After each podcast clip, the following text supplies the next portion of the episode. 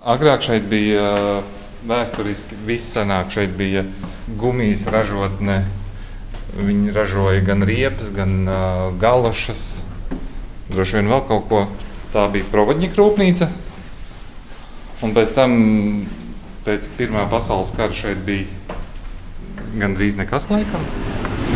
Un pēc tam, pēc Otrā pasaules kara, šeit bija Rīgas elektromotoru rūpnīca. Viņi ražoja slavenākais, nu, visiem zināmākais produkts ir veļas mašīnas Rīga. Vispirms ar rūpnīcas vēsturi iepazīstina provodņika pārvaldnieks Mārtiņš Šīmis. Tad kopā ar radošā kvartāla provodņika radošo direktori Lauru Upenieci dodamies pa plašajām rūpnīcas telpām. Mēs cenšamies saglabāt pilnībā to rūpnīcas sauru. Tā pašā laikā, lai būtu tāda finālā tāda sakopta vide un lai būtu patīkami ienākt iekšā.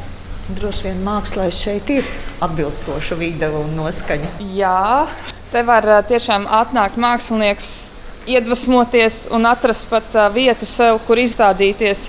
Jo nu, šeit ir ļoti izteikti industriāla atmosfēra, bet ir mums arī pieredze ar tādiem nu, romantiskas sfēras pārstāvjiem, kas tur ir gleznotājiem, kas tādas liriskas vai tādas poetiskas gleznas, bet arī ir atraduši šeit vietu, kā to savu mākslu iedzīvināt šajās telpās. Piemēram, mēs tagad ejam cauri Baibas abelītes izstādē, Unrealistika. Viņa glezno uz metāla plāksnēm. Un, nu, Baiba, varētu teikt, ir viena no retajām Latvijā, kuras darbi nu, ļoti iedarās šeit, kā jūs redzat, ar visu šo dzelzceļa, metāla estētiku un izmantojamiem materiāliem. Jo viņa arī tāda urbāno vidi, to tēmu viņa pārstāv vairāk. Baibas izstāde ir jau no maija pieejama, un Baiba arī atļauj līdz kaut kādam novembrim. Mēs vēl skatīsimies, kā ir ar apgaismošanu. Mēs tieši šodien jau arī ar pārvaldnieku Mārtiņu sākam risināt apgaismošanas uh, jautājumu, jo, protams, paliek tumšāks. Un, uh, Kā jūs redzat, ir ļoti liela telpa, un eh, tad ir jādomā, kā veiksmīgāk atrisināt to, lai arī tādos tumšākos vakaros ar cilvēku atnākt un redzēt šos darbus. Bet uh, ieejas durvis šeit vienmēr ir vaļā. Dienas laikā, jā. Dienas laikā šis ir pieejams visiem, bet nu, ir jāzina, kur nākt. Tad droši vien ir vispatīkamāk nākt, tad, kad ir organizēti pasākumi, jo tad, tad ir kāds, kurš var parādīt pareizo ceļu ir saliktas norādes. Mēs gatavojamies Baltijai naktī.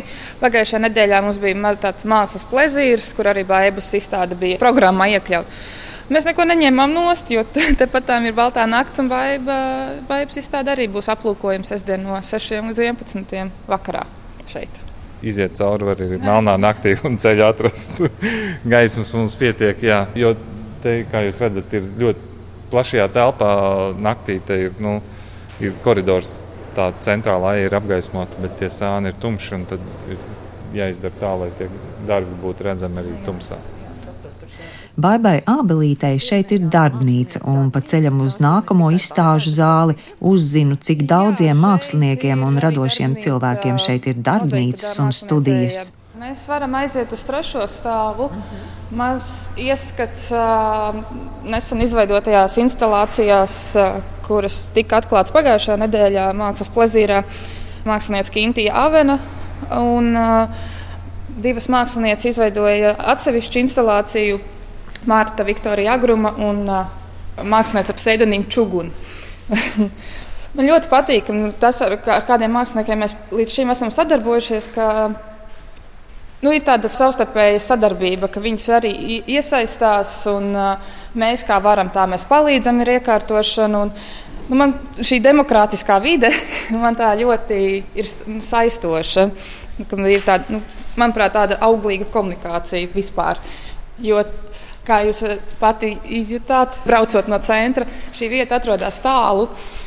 Un tad, tad cilvēkam tiešām ir jāgrib kaut ko darīt, lai mērotu šo tālo ceļu nu, nosacīti tālo, bet nu, tā tā kā ir jāiemina. Tā.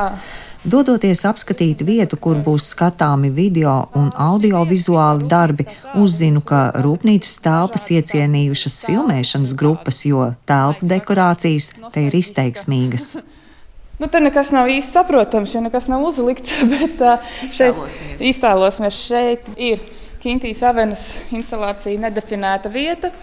Tur uz sienas projicējās video, kur uz zeķēm tiek lietas ūdens un tās zeķes izgaist. Un, un tā, kad te ir tiešām tumšs, te ir tāda. Nu, jau sakārtotāka vide, un, un jā, Kintija šo vietu izvēlējās. Uz, pat izvēlējās, un arī mēs palīdzējām iekārtot, viņa arī iekārtoja. Man pēc sajūtas šis trešais stāvs šķiet visgarākais, ejot no viena gala uz otru galu. Ja Lai izjustu telpas izmēru, Laura stāsta, ka daži nomnieki no viena gala līdz otram pārvietojas ar velosipēdu. Un tad jau esam pienākušas pie gleznotāju dueta veidota audiovizuāla darba. Un šeit arī ir paliekas no instalācijas, kuru veidoja Marta Viktorija Agruma un Čuguņa māksliniece. Te arī bija video uz sienas projicēts, un tad cilvēki varēja te sēdēt un vērot, kā zāles stiebri vējā līgojas. Arī atmosfēriski uzrunājoša instalācija, jo arī šī, šis plašums un vēl, ka tumsā tas notiek. Nu, tāda, nezinu, man bija tāda mājības sajūta, tā, kad nu, bija tajā mūsu plezīrā. Vēja un stiebra viļņošanās atkal būs skatāma Baltās nakts laikā, tāpat kā Jaņa Rozentāla mākslas skolas kvalifikācijas darbu izstāde. Viņu reiz mums bija jūlija beigās, arī mākslas plezīrā, un uh, sarunājām, ka mēs varam vēlreiz izstādīt. Un, tā kā ja līdz sestdienai jāiekārto. un elektrība šeit ir, un uh, labierīcība šeit ir. Tā kā pamatlietas ir tikai jāatnāk, jāatrod šī vieta un jāatnāk, jāapskatās. Jo arī vien, ka atnāk uz šo rūpnīcu pirmo reizi, cik es saprotu, cilvēkiem ir tāds wow efekts. Jo mums arī notiek ekskursijas reizes nedēļā. Mums ir gids, kurš stāsta par šīs ēkas vēsturi un tā.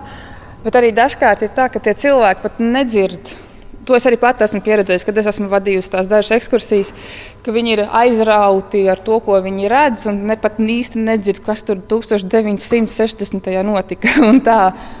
Unikāls pirmais ir tas, ka ēka ir. Nu, tā nav laikam pirmā vispār dzelzbetona konstrukcija Latvijā, bet otrā šobrīd senākā. Tad pati ēka ir tik liela, ka 350 metru kopā ar piebūvi garums ēkai ir kas man liekas, tur pārspēja tikai Laumas fabrika Liepājā.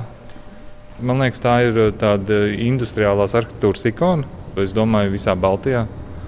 Ir viens tāds interesants fakts no vēstures par Vodņiku, kad šī rūpnīca, viņai bija savs slavas zenīts. Šeit ražoja visu no gumijas un līdz ar to arī linoleju. Un šeit ražotais linolejs tika izklāts arī uz tā lainera Titanikas. Un kas vēl tā saistoši, ka šī ēka ir 350 metrus gara, nu, līdzvērtīgs garums arī tam pašam Titanikam. Šis piektais stāsts nav visiem pieejams. Laura mani vēl uzved piektajā stāvā, kur savulaik bijusi rūpnīcas darbinieku sporta zāle. Tas ir no RR laikiem, pagājušā gadsimta, kad arī ir tablo, varētu teikt, Jā. ar ko šeit darbinieki ar kādām sporta aktivitātēm nodarbojās. Un šobrīd šī ir vieta fotosesijām, reklāmām. Šeit Kristaps Porziņš ir arī filmējies. Kad esmu apskatījusi rūpnīcas plašās telpas, Laura mani aizved uz nepārāk lielu, toties mājīgu telpu un iepazīstina ar mūziķi Ēriku Miezi. Šeit es ar saviem mūziķu kolēģiem īrēju telpu šajā skaistajā ēkā. Sākām to darīt nedaudz vairāk kā gadu atpakaļ. Deviņus mēnešus cītīgi remontējām, un tad esam šajās skaistajās telpās. Jā, jā nu tagad te vairs neizskatās pirms rūpnīcas. Tad, kad mēs te ienācām, tad bišķiņi izskatījās. Jā. Rīkojam savus mēģinājumus ar saviem sastāviem turam savus instrumentus, jo mēs esam sitam instrumentāli. Mums ir ļoti daudz inventārs, smags, liels inventārs, kurš kaut kur ir jāglabā. Tāpēc mums arī ir, mums ir arī jā, flīģelis, koncerta flīģelis un dažādi instrumenti. Mums arī ģitārists ir mūsu, mūsu komandā, tā kā arī dažādi producēšanas ekipējums, studijas monitori, skandas, visi vis, vis iespējami instrumenti. Pamazām arī papildinām savu, savu inventāru, tā kā pamazām darbojamies un, un lēnām ejam uz priekšu. Mēs arī lielu darbu ieguldījām tajā, lai izveidotu šo akustiku, jā, lai varētu arī veikt ierakstu, lai nebūtu šī atbalsts, lai būtu piemērots gan, lai arī tad, tad šeit ir laba skaņa šajā telpā, kā arī mūsu nedzird uz ārā. To mēs arī pie tā piestrādājam. Un kādā žanrā jūs uh, darbojaties? Tas ir džeks un akadēmiskā mūzika vis, visvairāk. Tad mūzika, ko var studēt konservatorijā. Nu, kopīgā tā noskaņa, vispār šurp mm. nākot, braucot, kāda tā ir jums šeit? Jau no, jau no pirmās dienas, kad mēs tikai nācām šeit skatīties šo telpu, pirms mēs vispār izlēmām īrēt, man, man ļoti tā atmosfēra arī tiešām patika. Arī it kā liekas, ka pamests daudz telpas, ir daudz kas neremontēts, eh, bet, bet eh, nevienā brīdī tas nav ar tādu tumšu tādu noskaņu. Ja? Tas vienmēr ir tāds. Eh, gribās šeit darboties, gribās, gribās radīt kaut ko tādu. Tāda radīšanas atmosfēra te ir vēl no rūpnīcas laikiem, ja cilvēki ir kaut ko radījuši visu laiku šeit, jau no pašiem pirmsākumiem. To var just, tas gars ir jūtams vēl joprojām. Kopā ar Ēriku radošo provodņika gaisotni piedzīvo sitam instrumentālisti Uģis Upenieks, Miķelis Dzenuška un skaņu režisors Bruno Brauns. Uzzinu arī par paša Ērika tuvākajiem muzicēšanas plāniem 11. septembrī Kultūras pilī Ziemeļblāzma, kur jaunais mūziķis uzstāsies trio sastāvā tiekot domāts arī par muzicēšanu radošajā kvartālā Provadņiks.